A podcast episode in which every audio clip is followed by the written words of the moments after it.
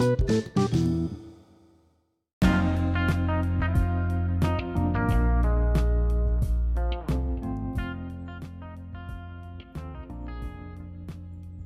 adik-adik, selamat datang di cerita untuk anak. Beberapa ini nanti akan Pak Kakak Agus ceritakan dongeng cerita untuk anak. Mohon share dan follow cerita untuk anak ini kepada teman-teman kalian ya adik-adik.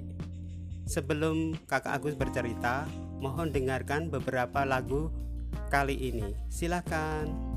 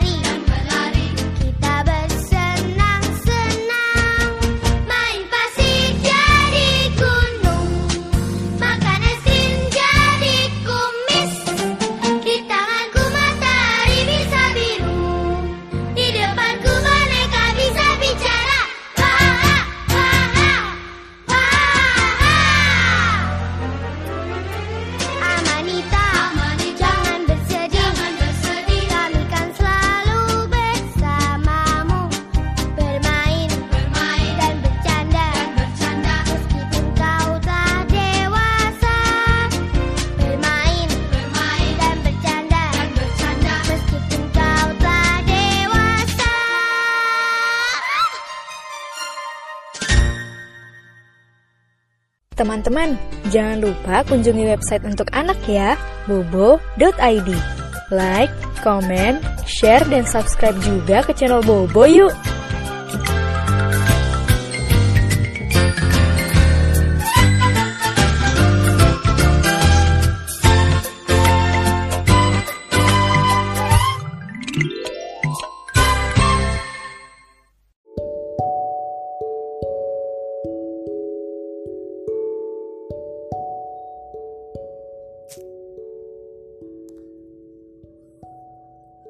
Halo adik-adik, masih bersama dengan saya Kakak Agus di cerita untuk anak. Pada kesempatan kali ini, Kakak Agus akan menceritakan dongeng-dongeng yang mungkin membuat adik-adik senang. Dongeng yang akan Kakak Agus ceritakan yaitu Bella, gadis cantik berhati mulia. Cerita ini dari rakyat dunia dari negara Perancis. Dengarkan dulu ya adik-adik. Dahulu kala ada seorang pedagang kain yang hidup bersama tiga orang putrinya. Putri bungsu sang pedagang bernama Bella Bella dalam bahasa Prancis artinya cantik. Selain cantik, Bella juga seorang gadis yang berhati mulia. Suatu hari, sang pedagang hendak pergi ke kota untuk berdagang kain. Anak-anakku, aku akan pergi berdagang ke kota. Kalian mau kubelikan apa sebagai oleh-olehnya? Kata si pedagang. Dua kakak Bella minta dibawakan hadiah baju yang mahal.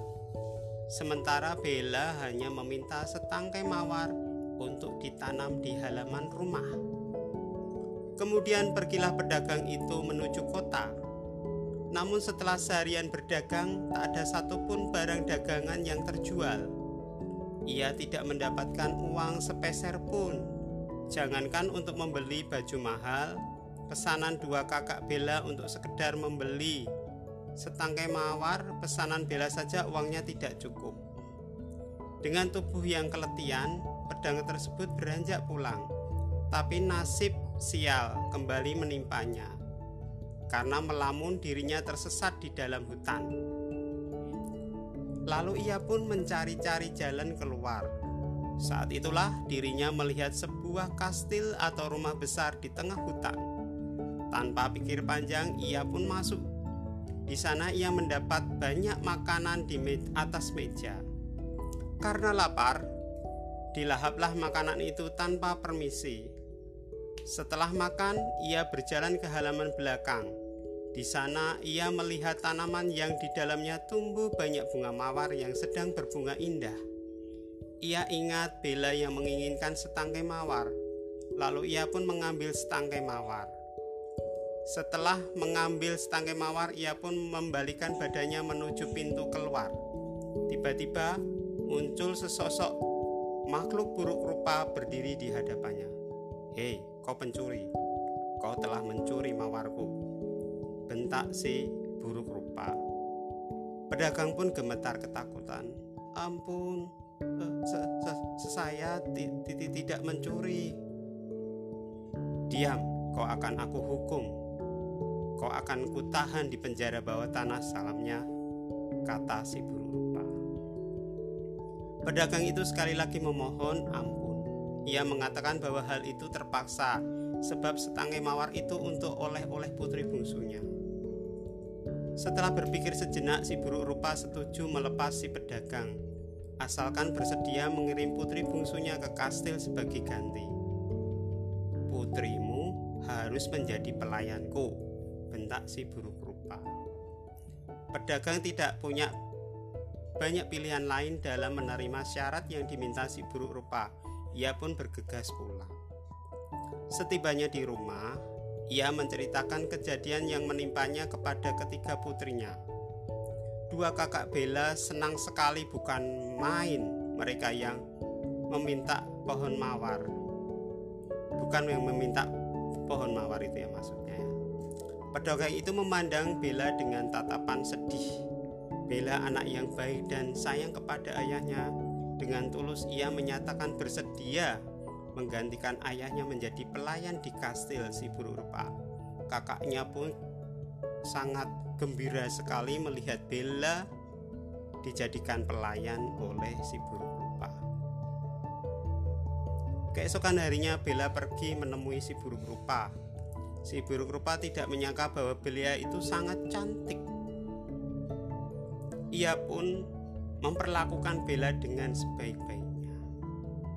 Bella diberikan baju-baju yang indah dan makanan yang lezat. Sejak saat itu Bella tinggal di rumah si buruk rupa dan melayaninya.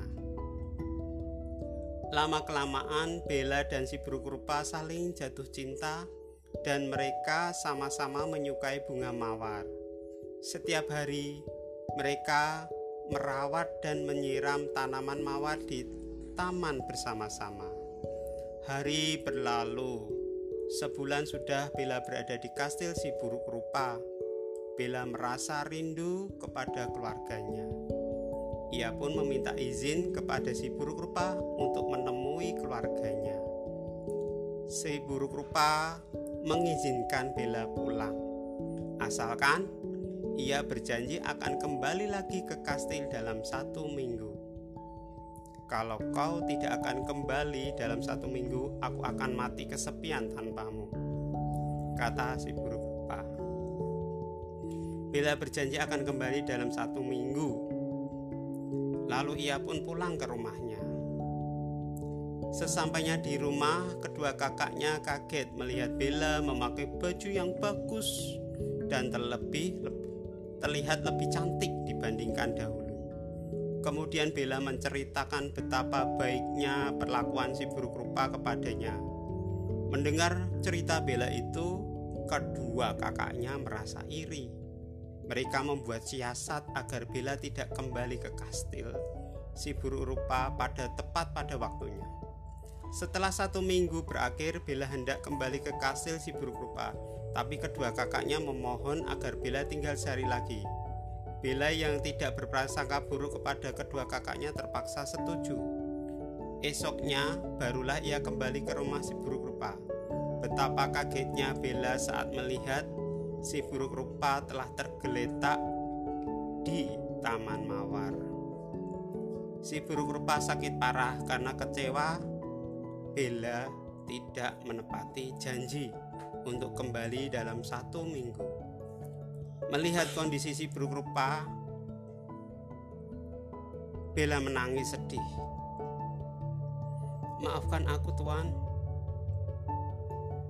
aku mencintaimu sepenuh hati. Jangan tinggalkan aku, kata Bella. Saat air mata Bella menetes ke wajah si buruk rupa, tiba-tiba si buruk rupa berubah menjadi seorang yang seorang pangeran yang sangat tampan.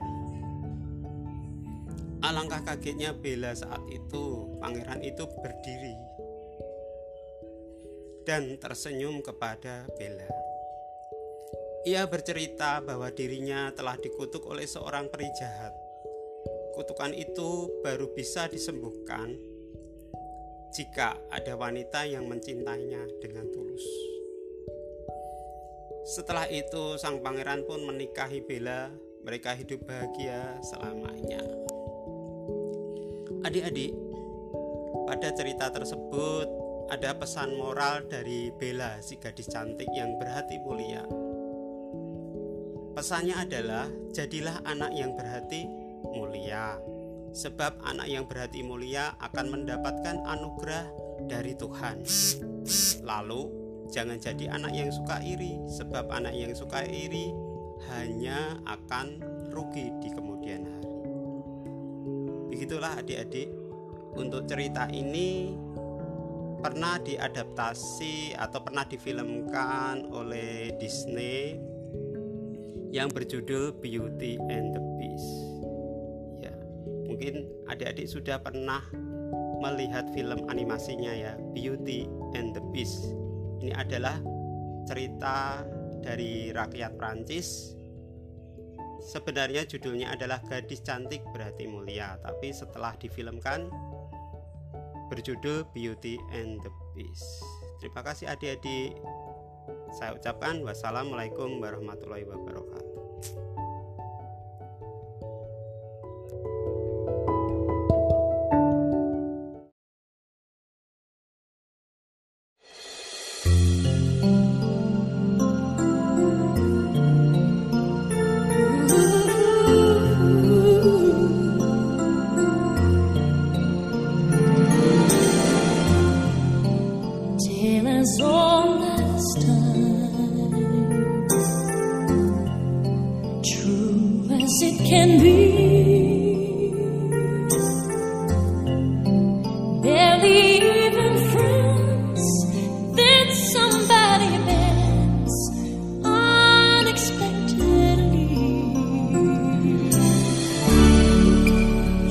just a little change,